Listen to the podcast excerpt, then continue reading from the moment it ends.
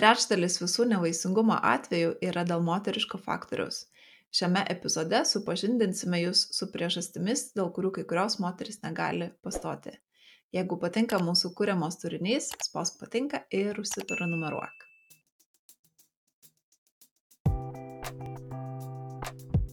Sveiki prisijungę prie Vaisingumo šaknis podcast'o.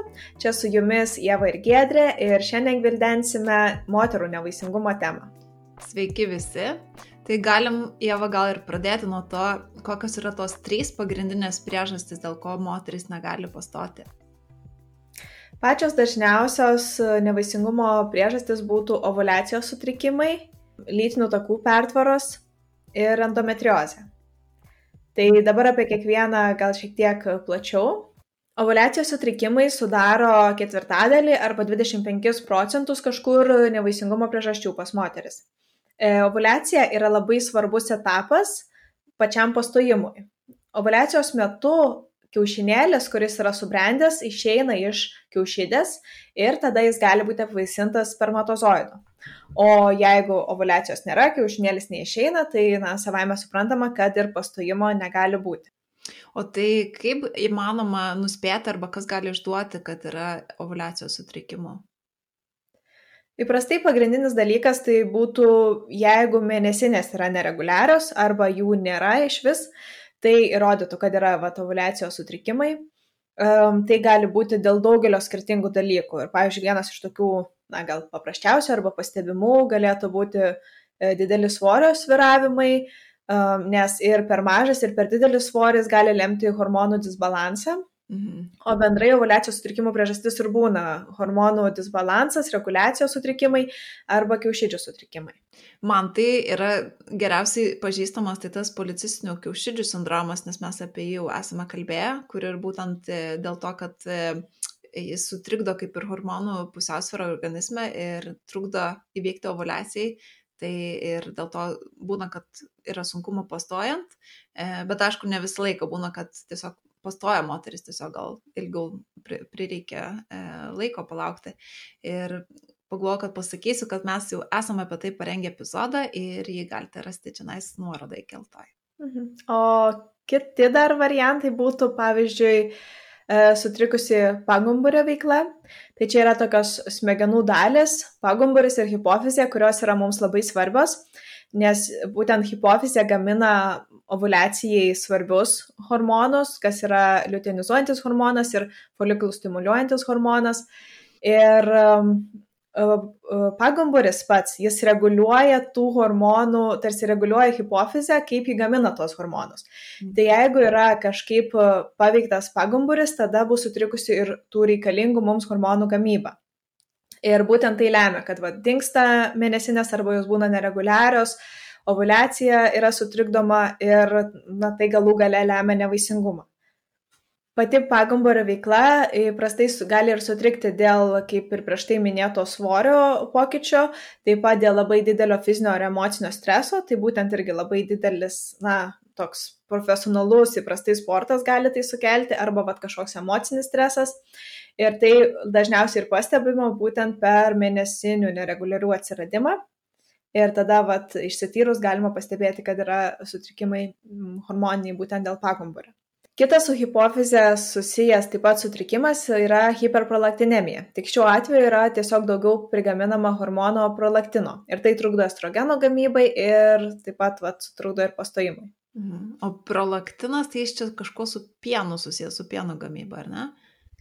Taip, prolaktino įprastai daug turime tam, kad išsiskirtų pienas, pradedant maitinimą, žindimą. Uh, O jeigu yra hiperprolaktinemija, tai vienas iš simptomų ir gali būti tai, kad išsiskiria pienas tada, kai jis na, neturėtų išskirti, nesant neščia ir nežindant, tai tai vadinama galaktorėja.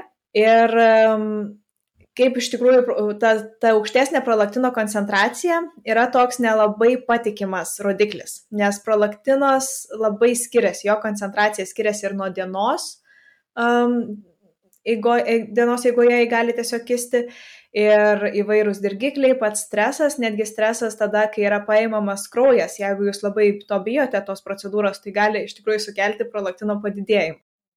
Bet bendrai, jeigu jau tikrai yra nustatyta, kad tas prolaktinas yra padidėjęs ir keletoje tyrimų tas pats rezultatas matomas, tai kelios priežastys tai gali būti būtent, jeigu yra ovulacijos sutrikimas, e, gali būti, kad e, pastebėsite, vat, kad būtent yra galaktorėja, arba viena iš priežasčių gali būti ir auglys hipofizėje.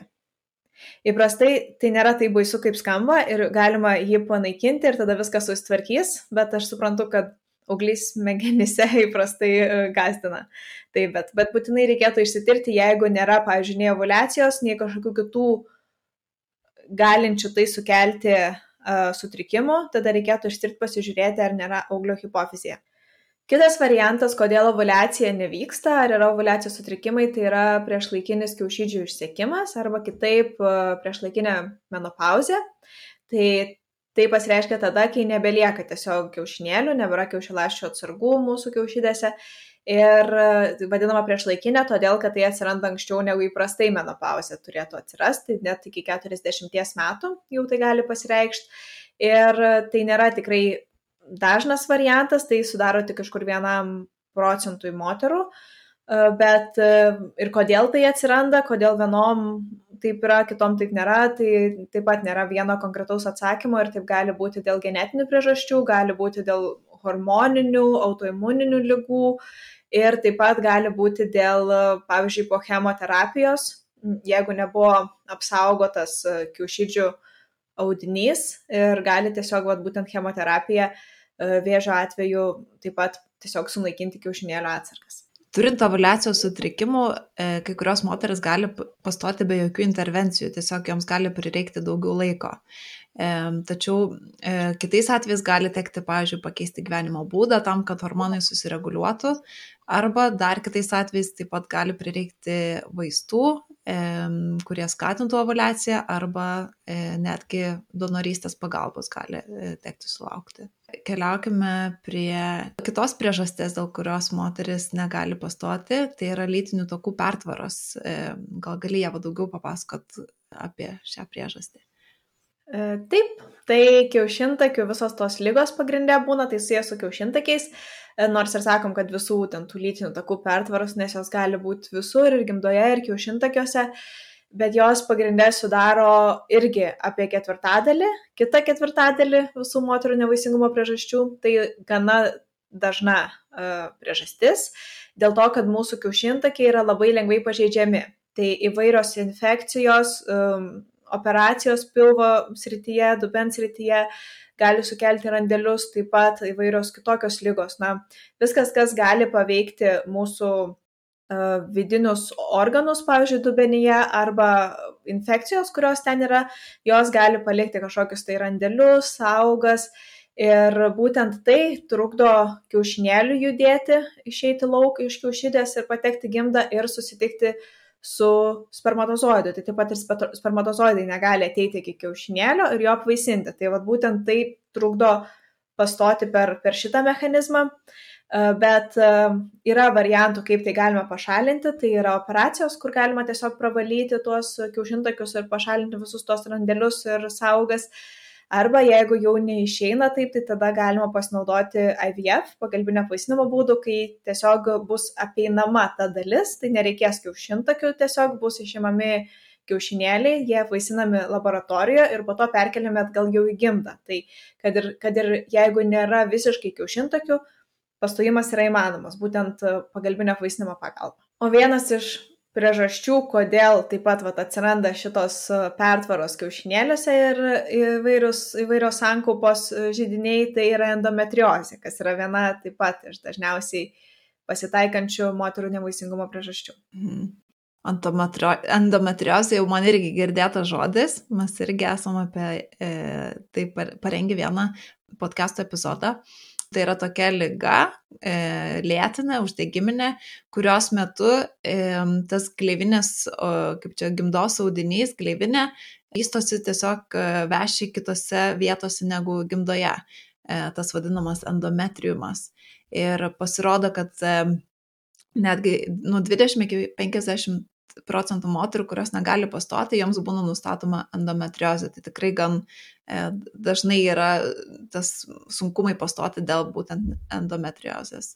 E, tačiau tai nebūtinai pasireikš. Yra moterų, kurios turi endometriozę ir jos pastoja ir, ir neturi su to jokių problemų niekas nežino tiksliai, kodėl šita lyga atsiranda, kaip jinai atsiranda ir kaip jinai lemia tą nevaisingumą. Ir e, toliau vyksta tyrimai, aiškinamas ir, ir kažkada vėliau ateitai žinosim turbūt daugiau apie tai.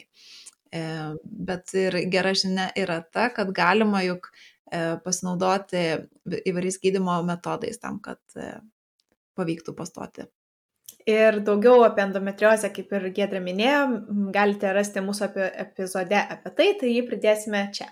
Ir mes dabar paminėjom berots ir visas tas tris priežastis, ar ne, ovulacijos sutrikimai, mhm. lytinių takų už, užsikimšimai ir endometriozė. Ar yra dar kažkokių priežasčių, e, dėl ko moteris negali pastot, kurios gal mažiau žinomas arba e, tiesiog retesnės? Yra iš tikrųjų labai daug skirtingų priežasčių.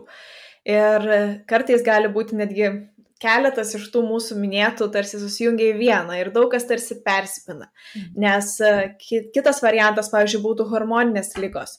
Tai gali būti ir skydliaukės sutrikimai, ir pagumburio veiklos sutrikimai, apie kuriuos mes taip pat kalbėjom prie ovulacijos sutrikimų.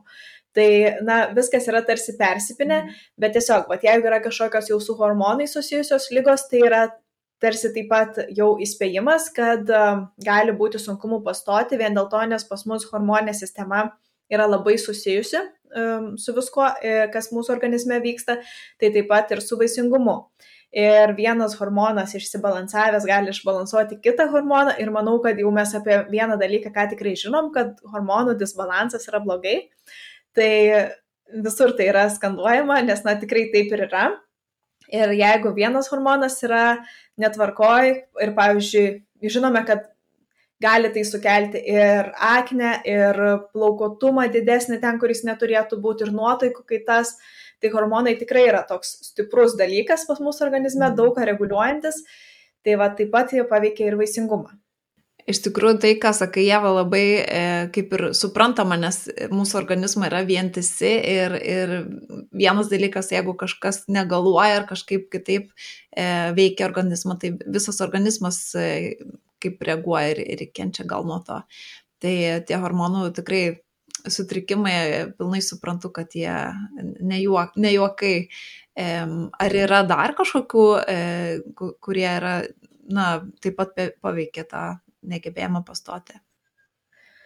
E, tai būtų taip pat autoimuninės lygos. Tai autoimuninės lygos pasireiškia, kai mūsų imunitetas pradeda, imuninė sistema pradeda atakuoti savus organus ir savus audinius, ko įprastai, ką įprastai turėtų ignoruoti, neturėtų atakuoti. Tai tada tarsi mes patys save, su savim kovojam ir save žalojam. Ir pavyzdžiui, tokios lygos kaip Hashimoto, tai va ir kitos skydliaukių lygos, ir vilklygė, ir um, reumatoidinis artritas. Turint kažkuria vieną iš šitų, e, taip pat iš karto galima, galima įtaka ir vaisingumui nors visos tos lygos skiriasi ir gali būti skirtingi mechanizmai ir nėra kol kas aišku, arba bent jau nėra irgi vieno paaiškinimo, kaip ir kodėl tai paveikia vaisingumą.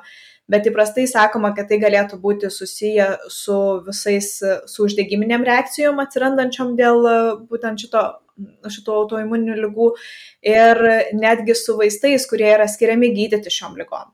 Dėl to visą laiką, jeigu yra vat, kažkokios lėtinės lygos, E, lygos, su kuriomis gyvenate, vat, kur žinote, kad jas turite ir vartojate vaistus kiekvieną dieną tom lygom, būtinai pasikalbėkit su savo gydytoju, e, ar tie vaistai tinka bandant pastoti ir ar jie nepakenks neštumui. Tai va tada gydytojas galės taip pat padėti sureguliuoti dozes arba pakeisti vaistus į tos, kurie tiks. Man irgi dar viena pažįstama tokia imuninė lyga yra antifosfolipidinis sindromas E, nes e, ją tiesiog man irgi nustatė ir tai, reiškia, kad e, mhm. kraujas kreši žymiai greičiau ir ypač pasitaiko moteriams ir dažnai pamatoma šita, šita lyga, kai įvyksta pakartotiniai persileidimai būna, kad nustato. Mhm, tai tikrai yra viena iš tų. Ir daugelis tų visų lygų, kurias jau dabar čia vardinom, gali būti susiję ir su genetika. Tai vad kita priežastis irgi būtų genetika ir genetinės lygos. Tai net ir žinom, kad policistinių kiaušidžių sindromas ir priešlaikinis kiaušidžių išsekimas, priešlaikinė menopauzė, auto, kaip ir minėtos autoimuninės lygos ir pati endometriozė, jau daug kas, ką iš čia paminėjom, turi ir genetinių faktorių. Tai kaip ir sakiau, viskas yra kažkaip susipinę. Tai, tai labai tos tokias, tokių priežasčių konkrečių vienų pačių yra sunku išskirti, nes jų gali būti daug įvairiausių niuansų. Ir žinoma, šitos dabar mano vardintos lygos, jos dažniausiai tik tai didina riziką nevaisingumo. Tai pavyzdžiui, jeigu turi jeigu šeimoje yra policistinių kiaušidžių sindromas, gali būti tau didesnė rizika, kad ir tau bus policistinių kiaušidžių sindromas ir tada didesnė, na kaip yra kažkokia tai rizika, kad galbūt bus sunkumų pastojant. Bet tai nėra šimtaprocentinis dalykas.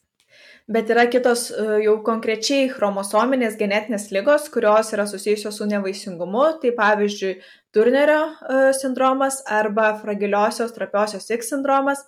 Ir, pavyzdžiui, Turnerio sindromo atveju um, nėra vienos chromosomos X. Įprastai mes turime dvi chromosomas X moteris, tai jos lemia mūsų lytį ir daugelį dalykų, kas yra susijęs su mūsų lytim ir būtent tai, kad esame vaisingos, kad mūsų reprodukcinė sistema yra tinkamai išsivyščiusi. Ir Turnerio sindromo atveju vienos iš šitų X nėra. Ir arba visos, arba dalies jos nėra. Ir tai gali, pavyzdžiui, lemti tai, kad yra priešlaikinis kiaušydžių nepakankamumas, tas išsekimas. Ir, pavyzdžiui, sutrikęs, sutrikusi visa raida paauglystės metu, mėnesinės gali vėluoti, tai žinoma didina nevaisingumo riziką. Ir labai panaši situacija yra su trapiosios ar fragiliosios X sindromu, tik čia yra vieno konkretaus geno, FMR1 vadinamas taip genas, jame yra mutacijos, kurios būtent ir sukelia šią lygą Ir tos mutacijos taip pat vat, reiškia, kad e, bus kiaušydžių nepakankamumas, kad bu, gali būti sutrikęs, sutrikusi paauglystė, visa tas mhm. vystimasis. Um, ir taip pat yra kai kurios netgi lygos, na, tiesiog yra, kai žmogus gimsta be gimdos arba gimsta su kažkokiais tokiais dideliais pakitimais reprodukciniai sistemoje, kurios tiesiog neleidžia išnešioti vaiko. Pavyzdžiui, jeigu yra kažkokios tai gimdos uh, formos sutrikimai arba ten viragi gimda, Tai gali būti, kad pavyks pastoti, bet tiesiog nepavyks išnešioti vien dėl to, nes uh, vaikelis, na, vaisius negali užaukti tinkamai. Mhm. Ir kai kuriais iš šitų atvejų galima tiesiog padaryti operaciją ir padėti. Uh, kartais visgi neišeina ir tada jau reikia, pavyzdžiui, įsivaikinti tiesiog būtų variantas arba uh, surogatinė motinystė kitas variantas. Tai nes, nes tiesiog tada jau tai moteriai neišeina išnešioti vaiko, nors ji gali turėti ir visiškai sveikas kiaušidės mm. su daug kiaušialaščių, bet, nu, va, tiesiog išnešioti neišeis. Taip. Mm. Bet visada galimybė kažkokia, na, susilaukti tų vaikų vis tiek yra, bent jau šiais laikais. Aha.